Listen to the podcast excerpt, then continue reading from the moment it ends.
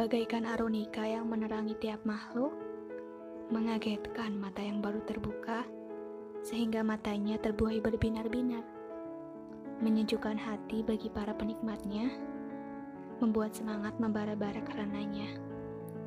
Dialah laki-laki yang dijan masuk surga, walau orang-orang tahu bahwa ia adalah sosok yang biasa saja dalam beribadah. Tidak seperti Abdullah bin Amr bin As yang rajin sekali beribadah sampai-sampai Rasulullah SAW menegurnya. Juga tidak seperti Ummu Hamid yang juga ahli dalam beribadah, baik yang wajib maupun yang sunnah, mereka mengerjakannya. Pemuda yang dijamin masuk surga itu membuat Abdullah bin Amr bin Ash penasaran, sampai akhirnya membuat Abdullah membuntutinya dengan menginap di rumahnya selama tiga hari. Mata lelah memperhatikan sampai keheranan, memikirkan apa yang membuat laki-laki itu jamin masuk surga oleh Nabi Muhammad SAW. Dan entah apa yang terjadi, semua yang ditelitinya itu tidak ada satupun yang istimewa.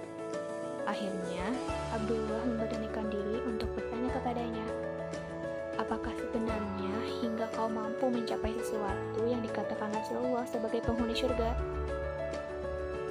Laki-laki itu menjawab dengan tenang, Aku tidak memiliki amalan, kecuali semua yang telah engkau lihat selama tiga hari ini.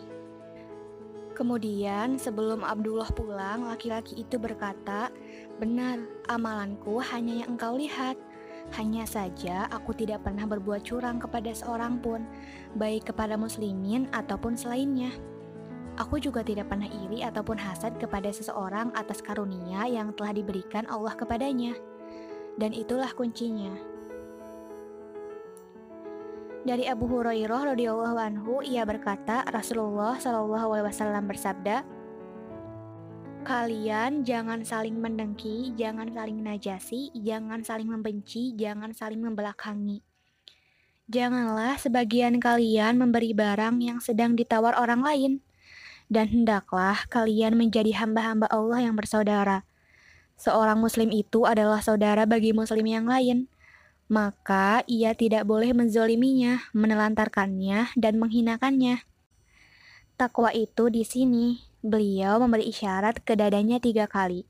Cukuplah keburukan bagi seseorang jika ia menghina saudaranya yang muslim. Setiap orang muslim haram darahnya, hartanya, dan kehormatannya atas muslim lainnya. Hadis riwayat Muslim. You can get desire from Allah if you are pious and have a good behavior.